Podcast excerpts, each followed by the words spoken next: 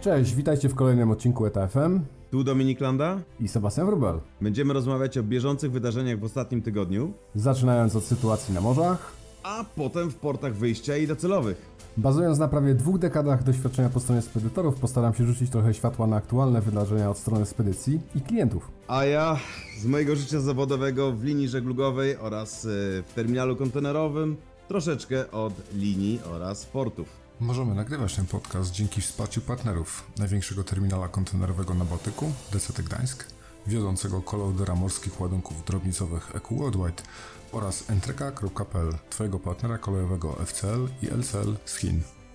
Z kolei jeśli chciałbyś do nas dołączyć i podzielić się swoją wiedzą, pisz do nas na sepmałpa.eta.fm lub po prostu nagraj czym chcesz się podzielić na anchor.fm łamane przez etafm. Link oczywiście będzie w opisie odcinka. Tym tygodniu podsumowanie 45 tygodnia. Czas leci nieubłaganie. W tym tygodniu, czyli 46, który właśnie się zaczyna, organizujemy spotkanie w PPNT. Już o nim dosyć dużo rozmawiamy, gdzieś tam publikujemy różne posty. Widzimy się w budynku numer 3 e, w Pomorskim Parku Naukowo-Technologicznym w Gdyni. Będą cztery osoby, cztery wystąpienia, dwa komunikacji. Małgosia Mu- Musińska-Kubis e, z Ciecha opowie nam o komunikacji międzykulturowej.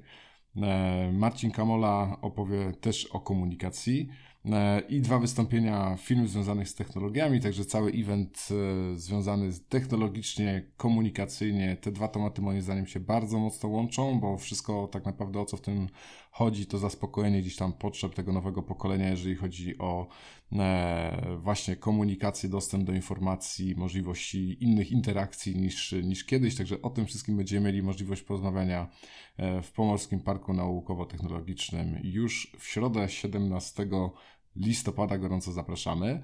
E, A zaczynając standardowo od stawek, no to w tym tygodniu troszeczkę tutaj się zadziało. Ale zadziało się głównie w jednym indeksie, co mnie najbardziej dziwi, bo, bo, głównie we, w, we Freightos Baltic Index widzimy 20% spadek na Transpacyfiku, o którym zawsze rozmawiamy, że bardzo mocno oddziałowuje na cały świat. No i 20% no to jest tutaj wartość całkiem spora, bo, bo, sam indeks w tym momencie na tym głównym kierunku importu z Dalekiego Wschodu spadł z 18700 na 14800, czyli o 4000 dolarów raptem. Co mnie najbardziej dziwi, to to, że jest to właściwie jeden indeks, jeden jedyny, tak patrząc porównując do innych indeksów, takich jak Zeneta, Shipping Index, jak World Container Index, jak SCFI, Shanghai Containers Freight Index. One wszystkie gdzieś tam powiedzmy w ostatnich tych kilku tygodniach pokazują jakiś trend spadkowy, ale nie ma takiego drastycznego skoku i zacząłem się zastanawiać, czy to jest bo, bo wcześniej to się nie działo w ten sposób. Wcześniej nie było tak, żeby nagle FBX wyskoczył, a reszta w ogóle nic nie odzwierciedlało. Także tak moje myśli pierwsze zaczęły chodzić wokół tego hello, ale czy tu nie ma jakiegoś błędu? bo, bo to się z kolei zdarzało. Po, pomijając już to, że w FBX-a też raz zmienili w ogóle metodologię naliczania, także będziemy tutaj bacznie obserwować w ogóle, czy, czy z czego ta wartość wynika, bo jest taka bardzo niespodziewana. No i tak patrząc z kolei na jakichś analityków branżowych, tych, tych głównych, to też raczej stara, starają się, widzę, tutaj e, troszeczkę ostudzać e, oczekiwania i nie, nie mówić o jakimś raptownym spadku super e, stawek na podstawie tego pojedynczego zdarzenia, e, bo nie wiadomo na ile ono jest miarodajne. Aczkolwiek zapewne wiele osób stwierdzi, a stawki lecą w dół. To jest to, co, czego się spodziewam e, słyszeć w najbliższym czasie ze wszystkich stron. Wiesz, to się też nazywa myślenie życzeniowe, e, bo pewnie większość, e, większość klientów tego by sobie życzyła, a nawet jeszcze bardziej. Myślę, że wiesz, myślenie życzeniowe polegałoby na tym, że jest miejsce na statkach, wszystko przypływa na czas, ale na to na razie się nie zanosi, także jeszcze chwila, ale tak jak mówisz, te indeksy są, są o tyle ciekawe, że część pokazuje dalej wzrosty, część spadki od paru tygodni. Najprawdopodobniej wynika to też pewnie z samej formuły, w jaki sposób wyliczane są co po niektóre indeksy i jakie komponenty są brane pod uwagę, nie? Bo w niektórych brane są pod uwagę czyste frachty, do niektórych są wszystkie dodatki, w niektórych brane są e, e, pewnie cały przekrój stawek, które armatorzy oferują, w niektórych spotowe, także, mm, także może stąd też to wynika. Natomiast na razie e, wygląda na to, że, e, że staweczki, e, tak jak mówisz, według tych dostępnych naszych indeksów, część pokazuje, część, to już jest dobrym, dobrą jaskółką, może pierwszą, pokazuje, że jest takie, osiągnęliśmy już to, e, ten, e, ten szczyt. Hmm? Jak myślisz? No wie, wie, wiesz co, no, co, coraz więcej takich informacji gdzieś tam krąży po rynku, nie? Wiesz, e, myślę, że dla większości osób e, takim z, e, przewidywaniem jest, że te stawki będą wyższe niż kiedyś, ale jednak spadną z tego poziomu, który, z którym mamy, doświadczamy tutaj e, dzisiaj. No i większość e, e, tych wypowiedzi, które można zaobserwować na rynku, jest postawiona, postawione są tezy, które są tak generyczne, że w sumie nie do końca wiadomo, jak je w ogóle interpretować. Nie? Bo z, z jednej strony mówi się, a 2020 E, Dwa, to na pewno nie będzie zmiany. No ale jakiej zmiany? Zmiany w stosunku do tego, co widzimy dzisiaj, czy, czy, czy, czy tego, że nie wrócimy do tego, co było kiedyś? No, bo ja domyślam się, że ten 2022 to jednak jaka, jakaś zmiana będzie. Ten rynek jest zbyt e, taki przegrzany z jednej strony, a z drugiej strony zbyt. Mm, aktywny, żeby nie można było mówić o, o, o, zmianie w 2022 roku, no bo my mówimy o zmianie co, co drugi tydzień, nie? tu wszystko się buja. Raz idzie w dół, raz idzie w górę. E, trendy są zwyżkowe bądź e, zniżkowe. Pewnie 2022 będzie niższy niż, niż to, co widzimy w teraz, tak, tak bym szczelał. E, aczkolwiek to będzie wciąż, moim zdaniem, bardzo wysoki poziom w stosunku do tego, co, co, co widzieliśmy kiedyś. Nie sądzę, żeby doszło do tego już do takiej tej stabilizacji, takiej długoterminowej w o. najbliższych miesiącach. Nie? No, a patrząc z kolei na, na, na, same informacje związane z miejscem i to, co wspomniałeś, e, no to tutaj nie, nie ma zbytnio w, niczego lepszego, co nas spotyka. Nie? Wciąż, e, wciąż mówimy o tym, że armatorzy coraz bardziej się przyglądają temu, jakie porty omijać, jakie nie omijać. No, opóźnienia są przeogromne. Tu rynek w żaden sposób się nie wyprostował, także dlatego tak jeszcze bardziej nieufnie patrzę na taki pojedynczy tydzień, gdzie coś nagle spadło, bo to mogło spaść z różnych powodów. Na przykład z tego, że Biden powiedział, że ile on tam powiedział, że chce zainwestować w tę infrastrukturę portową? 17 miliardów dolarów. Tak. 17 miliardów i to szybko. W ciągu 45 dni mają zostać uruchomione pierwsze środki. Także e, bardzo szybkie działania wreszcie. Tylko jeszcze nie wiedzą na co. Tak, jeszcze nie wiedzą na co, ale na coś będą przeznaczone, więc to już pobudziło, e, pobudziło sam rynek i pewnie wlało nadzieję w serce amerykańskich klientów. No bo na dobrą sprawę, wiesz, no, mm, sytuacja, w której e, Joe Biden e, jako prezydent e, Stanów Zjednoczonych rozmawia z klientami i pokazuje, że będzie 3600 kontenerów wyjeżdżać, co, wiesz, w ciągu, w ciągu doby Samsunga czy innych klientów i to ma pomóc sytuacji, gdzie port sam sobie robi ileś tam milionów TIU, no raczej wydawały się mało wiarygodne, zresztą o czym rozmawialiśmy. O tyle teraz e, faktycznie 17 miliardów dolarów, które mają być przyznane na, mm, jak to ładnie mówią, na, na przeciwdziałanie kongestii w portach, na inwestycje infrastrukturalne, to wreszcie, że tak powiem, jest coś konkretnego, nie? To jest konkret. E, I e, z tego co znaczy, widzę, konkretna to... jest kwota. Konkretna kwota, ale też jakby, jakby czas dochodzenia do, do wydatkowania tych pieniędzy, no bo e, w pierwszej kolejności mówi się o tym, że w ciągu 45 dni ten program ma zostać, e, e, jak to ładnie Amerykanie mówią, launched, czyli ma zostać rozpoczęty. W ciągu 60 dni mają zostać przygotowane i zidentyfikowane projekty, mm, które, które będą zawierały się zawierały się w, w tym pro, programie i e, w ciągu 90 dni ma powstać lista priorytetów e, z tych projektów, które będą podlegały modernizacji. Także to są duże działania, nie? 17 miliardów, tak po prostu pach. To nie jest źle i jakby głównym tutaj założeniem jest oczywiście zmniejszenie kongestii w portach, ale również stworzenie nowych miejsc pracy, co na pewno jest bardzo nośne.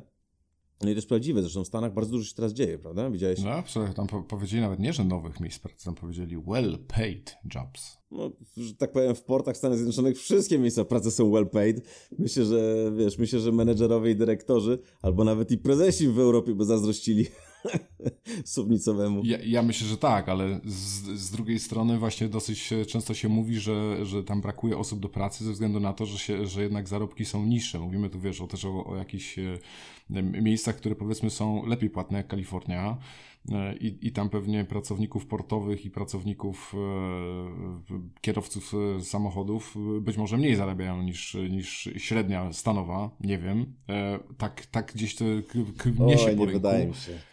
E, więc e, tutaj chyba ten nacisk właśnie dlatego był na well-paid jobs, żeby jednak pokazać, że a, hello, ale to jednak ci pracownicy tam będą, nie? W sensie my, my, ich, za, my, my, ich, my ich skusimy do tego, żeby jednak przyszli do tej Oj, pracy. Bo... Ja ci powiem, ja, ja, ja na to patrzę trochę inaczej, z perspektywy, wiesz, e, jak słyszałem, jakie są zarobki na przykład sownicowych pracujących w Stanach Zjednoczonych, w portach tych co prawda faktycznie większych, no to, to są zarobki, e, o których mogliby pomarzyć dyrektorzy w firmach tutaj logistycznych i, e, i w naszym biznesie, a nawet nierzadko i prezesi, bo dochodzą do kilkuset tysięcy dolarów za, e, za rok. Także to są tak, tego typu pieniądze.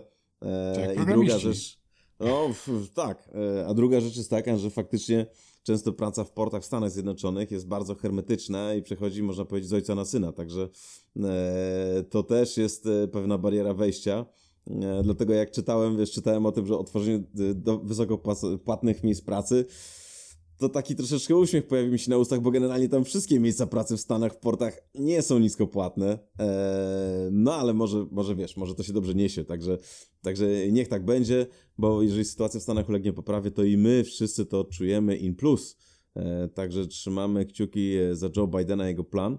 A w międzyczasie widziałem, że tak, w Nowym Jorku pojawiają się nowe, e, nowe też e, e, infrastrukturalne pomysły. GCT Plans Bayonne Extension, czyli tutaj mamy kolejną, kolejny rozwój o 425 metrów KI w jednym z, z terminali.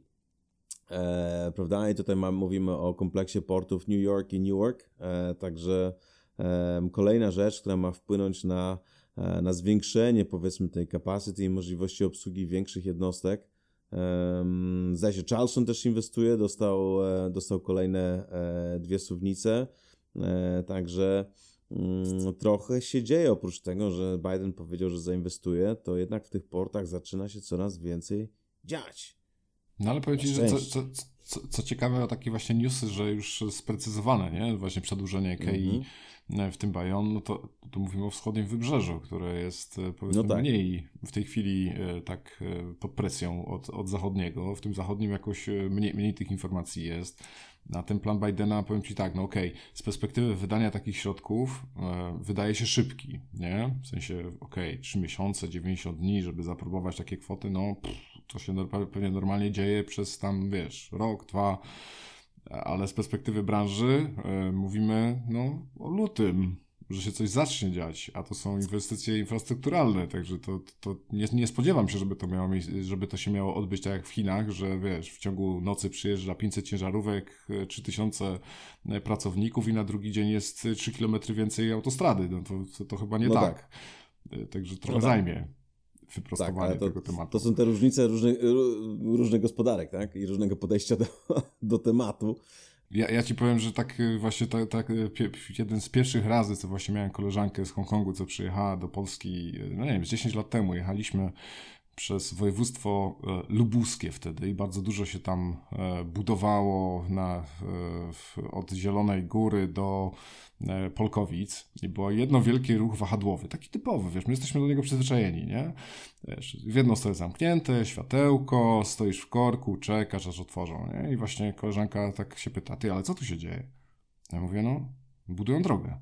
Ale, ale że jak? To my stoimy, bo budują drogę? A ja mówię, no, no tak, no. No, no. I ja się pytam, a czemu to jesteś jakaś zdziwiona? No, bo, bo w Chinach to wygląda inaczej. Zamykają drogę tylko na noc i na drugi dzień jest kilka kilometrów więcej. Wiesz, ja tak otworzyłem oczy, a to tak, to tak tam tak to tak wyglądało i jak popatrzysz z kolei z perspektywy Chin, jak tą swoją siatkę autostrad budowali, no to przestaje to dziwić, no bo to jest największa sieć autostrad na świecie. Liczona tam, wiesz, w, w dziesiątkach tysięcy kilometrów, gdzie cała reszta świata to tam pff, no tak. troszkę mniej ma, nie? Chyba razem wspólnie. Ale, przy, ale i tak przy migracji z okazji chińskiego Nowego Roku e, blokują się wszystkie autostrady, wszystko stoi, nie? Nawet jak ma 20 pasów w każdą stronę, tak jak były, były zdjęcia zjazdów i wjazdów na autostradę, no to generalnie i tak to wszystko stoi, e, tylko że znowu taką masę ludzką przemieścić e, w ramach infrastruktury, która przecież jest zbudowana na czasy normalnego, e, normalnego e, wiesz, natężenia ruchu, i to jest właśnie cały, cała, cały problem w tej chwili w sytuacji pokowidowej, że porty, terminale, e, ilość kontenerów, e, pojemność floty kontenerowej, to wszystko jest e, zoptymalizowane pod kątem obsługi normalnego, normalnego i przewidywalnego, powiedzmy, wzrostu wolumenu, który może się pojawić w przeciągu paru lat, prawda? e, a to, co się zdarzyło w Stanach, szczególnie to było dosyć, no, to było, to było bez precedensu wcześniej, no bo patrząc z perspektywy wzrostu całego rynku, to ten wzrost jest, tak jak sobie patrzyłem, 2020 do 2000, znaczy 2021 do 2020 roku, mm, tak na dobrą sprawę, mamy 8%, prawda? Mniej więcej, gdzie największy jest, jest na Fariście i patrząc z perspektywy Stanów Zjednoczonych, co jest najciekawsze, to e, wzrosty, na przykład porównując e, e, globalnie, tylko 2,5% podniósł się globalny, globalny popyt na usługi przewozu kontenerów w stosunku do 2019 roku. Także zobacz, mówimy tylko 2,5%, a wszyscy leżą, nie? Wszystko, no. wszystko leży. E, kongestia w portach i, i znowu, dlaczego tak jest? Bo w dużej części właściwie jest to skumulowane e, w Stanach Zjednoczonych, nie? Czyli ta infrastruktura, która tam była, po prostu nie jest w stanie obsłużyć tego zwiększonego, e, zwiększonego wolumenu, bo na przykład eksporty z, z Dalekiego Wschodu generalnie, które stanowią 49% całości rynku kontenerowego, wzrosło 15,6%. E, Europa 19% e, udział w światowym e, rynku kontenerów, mamy 6,6% wzrost. Ameryka 1,9% i tutaj mówimy o eksportach, przypomnę. Także eksporty ze Stanów Zjednoczonych, powiedzmy, na cały świat to jest minus 2% prawie. Eksporty z Azji ponad 15% do góry, z Europy 6% do góry, prawda? East jest ciekawe, 17%. No bo to jest no. razem z India subkontynent. No właśnie, ale znowu już importy, na przykład jak patrzymy na importy, tak, Far East yy, to jest 19% całości importów na, na świecie kontenerowych, to już spadek o 3,5%, czyli importują o 3,5% mniej, czyli zaczynają być coraz bardziej samowystarczalni z tego wynika. Europa 8-9% importuje, czyli znowu nadwyżka importu nad eksportem, wzrostu. E, znowu Ameryka 22%, słuchaj, 22% wzrostu importu w stosunku do, e, do roku 2020. To jest mm. niesamowite. To tylko pokazuje. No ten 2020 miał bardzo słaby pierwszy kwartał, nie? Dlatego to porównanie do 2019 jest lepsze, ale tu niestety akurat w takim wyszczególnionym nie ma dostępnych tych danych w zestawieniu. E, no ale tak samo Ameryka Łacińska też 25% tak. do góry. Niesamowite, nie? co? O 25%, to jest jedna czwarta ekstra. Właściwie to jest to, to dziwnego, że te porty nie są w stanie tego przerobić i, i, i, armatorzy, jeżeli mamy aż, taką, aż taki wzrost popytu, prawda? I, I de facto on dalej nie jest zaspokojony, bo dalej chcieliby kupować więcej. I w Stanach na przykład ten wzrost, e, tak jak patrzyłem sobie tutaj na zestawienie, które pojawiło się bodajże w Dynaliner, to generalnie wynika w dużej mierze, mamy tak, e, konsumpcja, konsumpcja personalna, e, wzrost o prawie 25% rok do roku, mm, później mamy jeżeli chodzi o wzrost właśnie usług, czyli usługi do dóbr, to oczywiście dobra w szczytowym okresie to był wzrost e, średnia dwuletnia e, powyżej 10%, mówimy tutaj o, o, o tym roku, o połowie tego roku i dalej rośnie. Mm, usługi na dobrą sprawę spadły oczywiście w czasie COVID-u i to spadło, spadło 10% i teraz dopiero dochodzi to do, do mniej więcej do 0%, czyli na dobrą sprawę wracamy dopiero do tych poziomów wzrostów, które były przez ostatnie dwa lata. E, czyli w Stanach wszystko to jest właściwie podyktowane w dużej mierze zapotrzebowaniem na dobra usługi, szczególnie e, dobra, które e, są importowane. No i dlatego też myślę, że 2022 rok, wiesz, niewiele się zmieni, jeżeli chodzi o, o, o rynek. Myślę, że w drugiej połowie może coś zacznie drgać, ale do tego czasu, tak jak powiedzieliśmy, Biden luty dopiero, nie? Ten plan zacznie, zacznie funkcjonować, zanim zaczniesz to wydawać, zanim zacznie się ta sytuacja poprawiać popyt zacznie w jakiś sposób być zaspokajany, to, ech, to myślę, że mówimy dalej o iluś miesiącach, że tak powiem, kiedy klienci będą nerwowo klikać i patrzeć na to, czy są, e, jakie są stawki, czy są miejsca na statkach. Nie, ja też nie przewiduję super poprawienia sytuacji w tym temacie, nie? W sensie to, to, to jest za krótki okres czasu. Mówimy tu o zmianach infrastrukturalnych. Ostatnio nawet e, Patryk Burglund z Zenety gdzieś tam wspominał o 2025. To, ach, jakiś strasznie długi termin jeżeli o to chodzi. Oczywiście to było przed 17 y, miliardami od Bidena, aczkolwiek no to mówimy o poważnych tematach, to nie jest, wiesz, to sam dobrze wiesz z waszej perspektywy, jako w, firmy, która bardzo szybko się rozwija, ze środkami powiedzmy takimi zmiksowanymi, prywatnymi i, e, i publicznymi, że wybudowanie nowej KI to nie jest kwestia kilku miesięcy. No, chyba, że tak jak wspomniałeś przed chwilą, mieszkasz w Chinach i tam generalnie wszystkie zgody środowiskowe, badania archeologiczne i tak dalej robisz dużo szybciej No i, e, i tak powiem, pieniędzy jest, jest brud, e, aż nadmiar, jeżeli chodzi o inwestycje, szczególnie jeżeli pochodzą od państwa i państwo uzna, że w danym miejscu trzeba coś zbudować. I ta budowa następuje bardzo szybko, ale w Europie i tak w Polsce, moim zdaniem, proces inwestycyjny jest dużo szybszy niż w Europie Zachodniej. E, patrząc z perspektywy tego, jak my rozwijamy naszą infrastrukturę i nasz, nasz, nasza nowa część terminala, którą roboczo określamy BH3 albo terminal trzeci jeszcze do niedawna, e, będzie gotowa e, w roku 2024. E, to zobacz, mamy 2021, to mówimy o góra trzech latach, żeby powstało coś z niczego, bo będziemy budować przecież na wodzie. Gdzie na przykład w Niemczech pogłębienie Elby trwało ile? bardzo długo, prawda? Zanim została zgoda i zanim zostało to zrobione, rozbudowa terminali czy budowa terminali, to są często lata, to jest naście lat nawet. E, terminal, powiedzmy, który powstawał w Sztokholmie, mały terminal, e, który w tej chwili zaczyna funkcjonować, e, należący do Hutchinson Port Holdings. Pamiętam, że jak przychodziłem do DCT, a to było 11 lat temu, to wtedy były już zaawansowane plany budowy. A jesteśmy 11 lat później i ten terminal powiedzmy funkcjonuje od jakiegoś czasu, natomiast dalej proces inwestycyjny jest dużo, dużo dłuższy a terminal sam w sobie ma pojemność bodajże około pół miliona TIU, także e, jest to mała część infrastruktury budowana przez bardzo długi czas. I taki jest proces inwestycyjny, tak? To są lata, zanim infrastruktura się pojawi, stąd też e, liczenie na to, że, e, że w sposób magiczny coś się nagle pojawi i pozałatwia i infrastruktura nagle się, że tak powiem, tutaj objawi. Nie.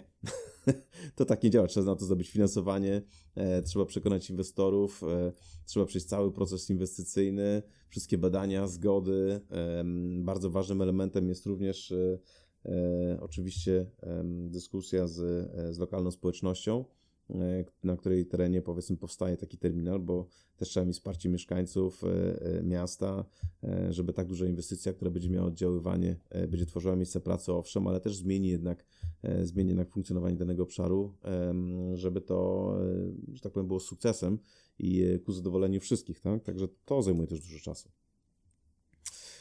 Natomiast, że tak powiem, u nas ten proces następuje, ale są też tacy, którzy się bardzo cieszą z obecnej sytuacji, myślę, E, widziałeś może wyniki za, za pierwsze 9 miesięcy armatorów? Hmm. Bo ja siedziałem, jak oglądałem. Siedzia siedziałeś? Siedziałem, siedziałem, a i tak to nie pomogło. Wiesz co, mi, mi, mignęły mi jakieś miliardy.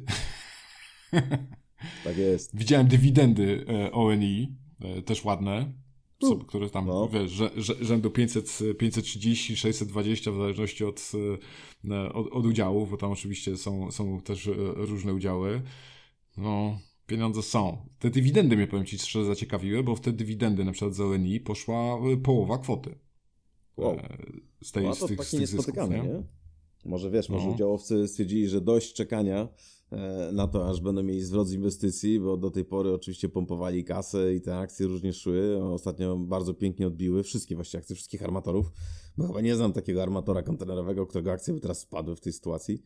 No, ale dywidenda zawsze mile widziana, nie? No, to już wiesz, no nawet, nawet o Zimie była mowa tam, że dywidendy płaci, nie? Z tych akcji no giełdowych, no tak. które sprzedał w tym roku. A jest czego płacić, widzisz. E? Patrząc na przykład Evergreen e, podał swoje wyniki i mamy e, informację o tym, że jest to 6,3 miliarda. Tak, za pierwsze 9 miesięcy. HMM prawie 3, ile tutaj mamy? 2,25 E, miliarda. Mm, ja tak e, patrzę tutaj, bo podawane są kwoty w koreańskich łonach i 2,66 tryliona brzmi strasznie groźnie. Dopiero musiałem się zastanowić, czy już zarobki armatorów są w trylionach, czy tylko w miliardach, więc, więc wolałem się upewnić, o jakiej walucie mówimy. Chociaż może, chociaż może już niedługo e, MERS podał informację o tym, że znowu przychody wzrosły o 68%, osiągnęły 16,6 miliarda w trzecim kwartale. E, także e, EBITDA w tym kwartale też dostał do 6,9 miliarda. E, także jest to, jest to niesamowite. Myślę, że tutaj chyba informacja, którą ostatnio podał Mersk, mówił o tym, że całkowite, całkowite spodziewane EBITDA, czy tej właściwie EBITDA spodziewana za rok 2021 ma być w granicach 22-23 miliardy, gdzie EBIT jest 18-19 miliarda czyli Mm. wyniki, chyba cała branża, ile dobrze ostatnio pamiętam, jednego z analityków mówił, mówił o tym, że cała branża będzie pomiędzy 150 a 200 miliardów dolarów EBIT. No, Także- a jeszcze niedawno jak była, e, ktoś podał wartość 100, to wszyscy się za głowę chwytali. Boże, jaki rok, nie? Co nie? No. Wariat. Że te, te, że te 100 Zamknijcie go. miliardów, słuchaj, bo te 100 miliardów to już tam było, wiesz, praktycznie e, wyniki wszystkich razem z- przez ostatnich 10 lat były mniejsze, nie? No tak, ale wiesz, ale z drugiej strony słyszymy o tym, że armatorzy mówią, że przez ileś tam lat dokładali do interesu i, e, i, e, i, i, i to się należy.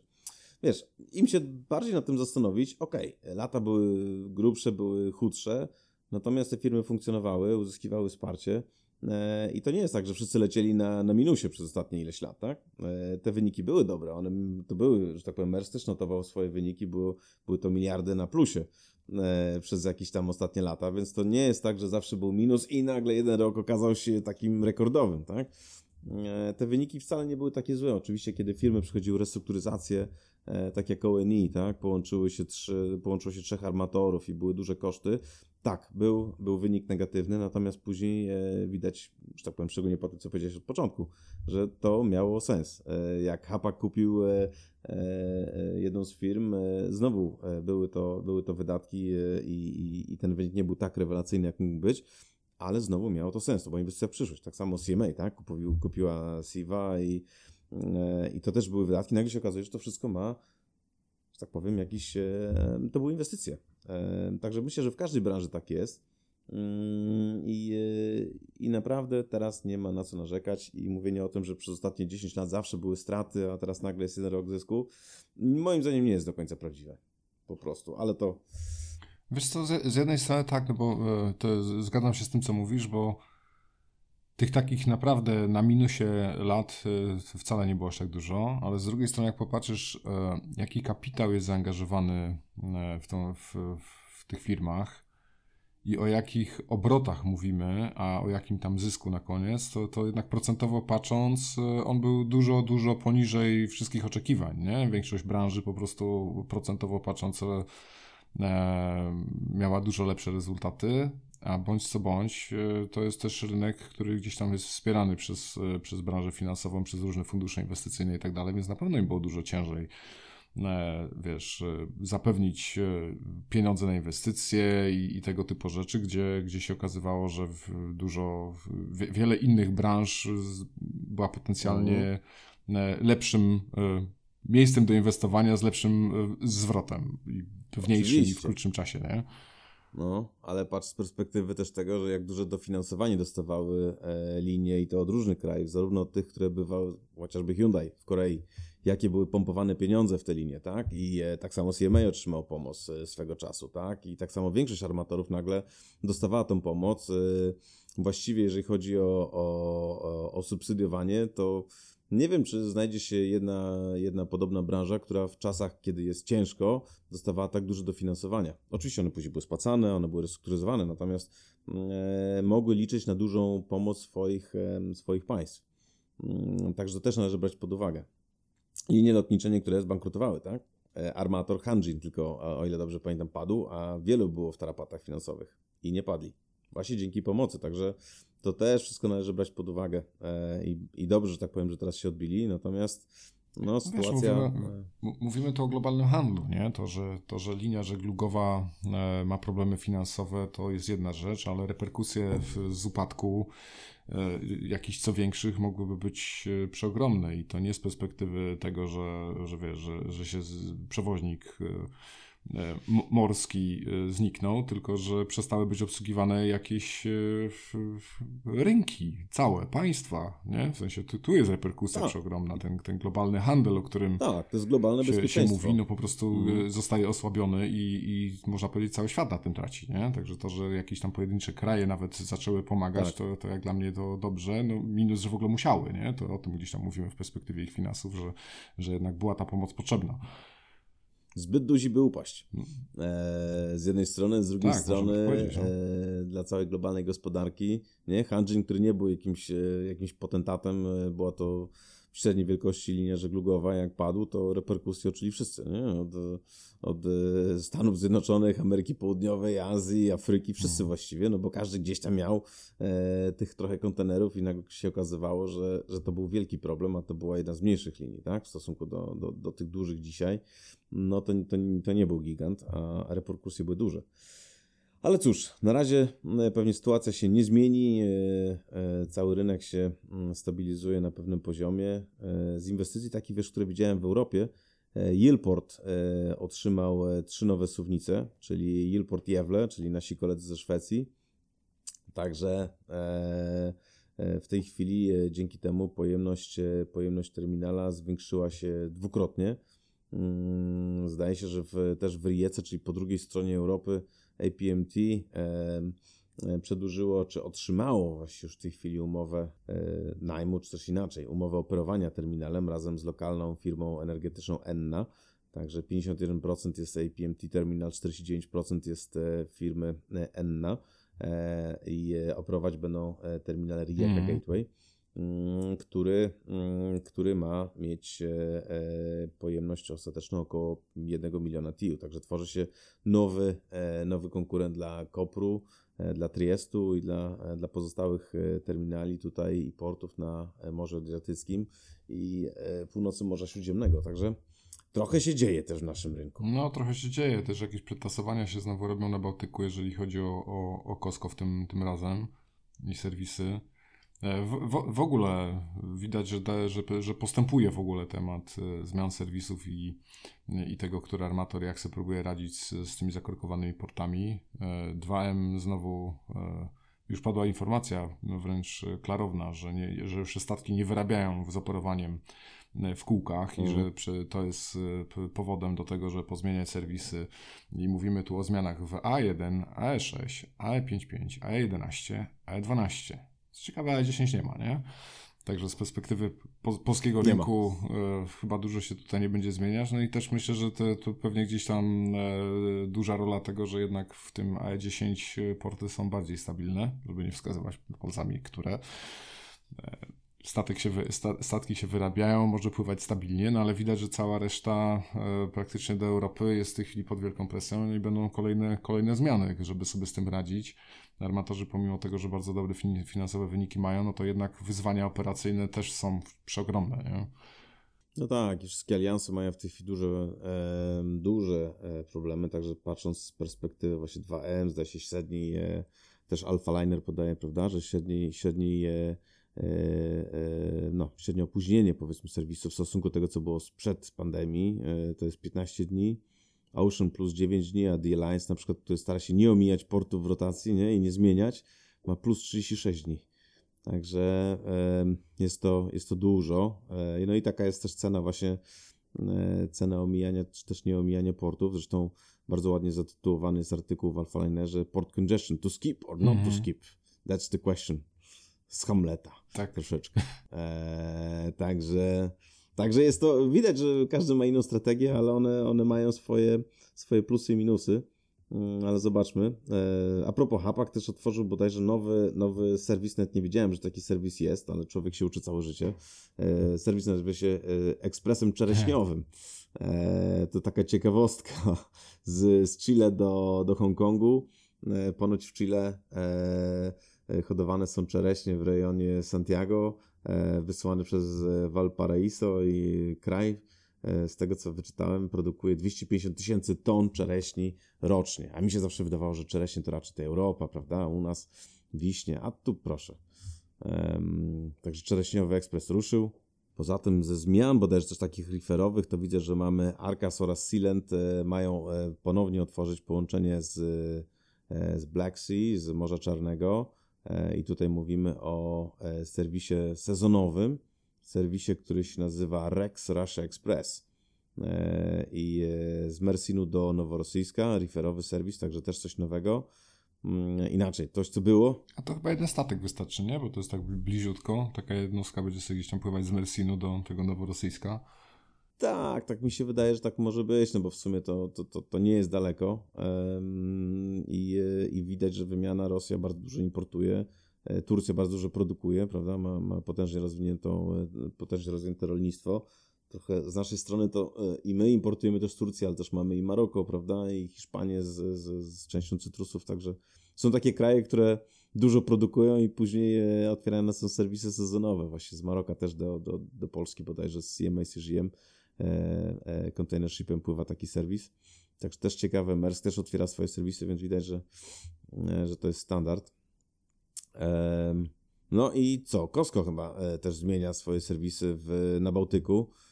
RFS 3 i RFS 4 będą zamienione i połączone w jako HRF serwis, który będzie łączył Rotterdam, Hamburg z Finlandią oraz Rosją. Także mm, to też ciekawe, bardzo ciekawe, bo, bo jest bardzo blisko, bardzo blisko nas, dużo bliżej niż Mersin, także Także tutaj to mnie też zainteresowało. Gdańska w tym serwisie nie ma, my jesteśmy obsługiwani przez inny serwis, przez PFX. Także, e, także tutaj jest to, jest to niezależne od nas, ale już na Bałtyku. Mm. Mnie, mnie zaciekawiły jeszcze dwa newsy odnośnie Merska. Jedno takie bezpośrednio o Mersku, a drugie powiedzmy tak trochę pobocznie o Mersku. E, przynajmniej tym kontenerowym, bo jedna informacja padła, że Maersk Drilling teraz się będzie e, łączyć z firmą Noble mm. i stworzy największy koncern, jeżeli chodzi o E, właśnie e, firmę związaną z odwiertami i, i, wydobyciem ropy naftowej. To jest ta część, o której rzadko rozmawiamy, jeżeli chodzi o Merska. E, co też gdzieś tam mhm. chyba przez niektórych analityków jest rozumiane jako częściowe wyjście w ogóle rodziny Merska, w, znaczy z, mhm. z, z, tego typu biznesu, bo tam 21% akcji będą mieli w nowym przedsięwzięciu. E, a druga informacja, która z kolei e, gdzieś tam mnie też mocno w tym tygodniu zaciekawiła, to oczywiście taka informacja prasowa, którą Mersk się bardzo mocno chwalił, e, jeżeli chodzi o rozpoczęcie współpracy z Vestasem. E, Vestas oczywiście firma, która, e, jeżeli komuś nie znana, to firma bardzo mocna w elektrowniach wiatrowych, też, też duńska, także tak z jednej strony wszyscy popatrzyli, a Maersk duński, Vestas duński, to tak w sumie dużej, e, du, dużego zdziwienia nie było.